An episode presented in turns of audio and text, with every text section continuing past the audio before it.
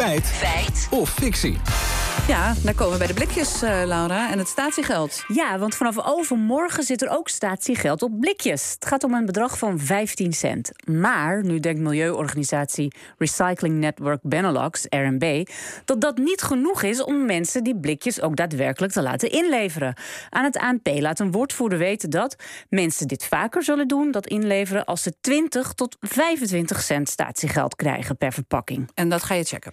Ja, want is dat wel echt zo? Nou, eerst belde ik met Arjen Wals, hoogleraar duurzaamheid aan de, Wageningen, aan de Wageningen Universiteit. Hij legt uit dat er groepen zijn waarvoor het geld niets uitmaakt. Voor mensen die vanuit een intrinsieke motivatie al zich zorgen maken over duurzaamheid, zal het verschil in prijs niet veel uitmaken. Die doen het toch wel.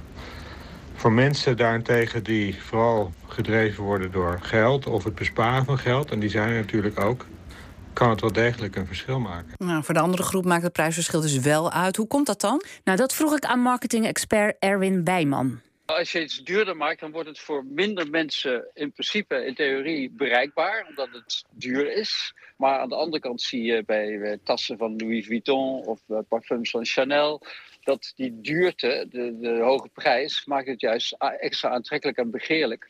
Omdat je eh, dan kunt laten zien dat jij zoiets duurs kunt veroorloven. Dus dan kun je shinen met je blikje als, als statussymbool. Ja, het klinkt misschien wat overdreven, maar vanaf een bepaald bedrag is dat wel zo, zegt Wijman. Als je nu daar hele hoge statiegeld op gaat uh, heffen, van een 1 euro bijvoorbeeld per blikje of petflesje, dan kom je wel in een league, ga je spelen waarin het een teken van rijkdom is en van status en dergelijke om blikjes te kunnen kopen als consument. Ja, dus niet kijk eens naar mijn dure auto, maar kijk eens naar mijn cola blikje. Oké, goed. Maar hij heeft het dan over 1 euro statiegeld. Hoe, hoe zit dat bij 25 cent? Nou, daarover Robert Deur, hoogleraar economie aan de Erasmus Universiteit. Hij weet veel van economische prikkels ook een verandering van uh, 15 cent naar 25 cent, wat toch een hele kleine verandering ook lijkt, maar trouwens ook van 0 naar 15 cent.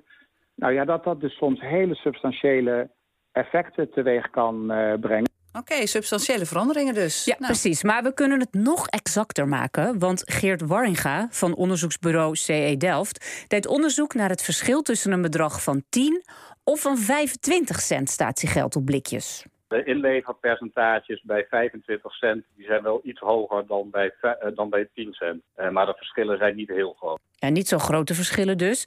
En hij verwacht ook dat er een verschil zit tussen 15 en 25 cent. Ja, maar met 25 cent worden flesjes ook duurder. Zitten er geen uh, blikjes? Worden, zitten er dan geen kanttekeningen aan? Nou, dat is een goeie. Erik Hemmes, supermarktdeskundige, verwacht dat de irritatie inderdaad wel zal toenemen als het duurder wordt. Het zit dan in het feit dat mensen een bedrag moeten investeren... wat door verschillende mensen, en zeker mensen die krap in hun geld uh, zitten... als een uh, hoog bedrag gezien wordt. En daar komt bij dat er producten zijn... Uh, bijvoorbeeld een flesje water die hooguit 20 cent hoeft te kosten. Dan betaal je meer aan staatsgeld dan aan de waarde van het product zelf. Nou, dat is ook absurd. Ja, hij zou dan ook meer inzetten op publiekscampagnes. Oké, okay, maar is het dan feit of fictie? Maakt het uit als je meer statiegeld vraagt voor een blikje? Ja, een hoger bedrag betekent dat er meer blikjes worden opgehaald. Hoeveel mensen dat precies gaan doen, dat inleveren dan, dat is niet duidelijk, maar het is wel degelijk een feit.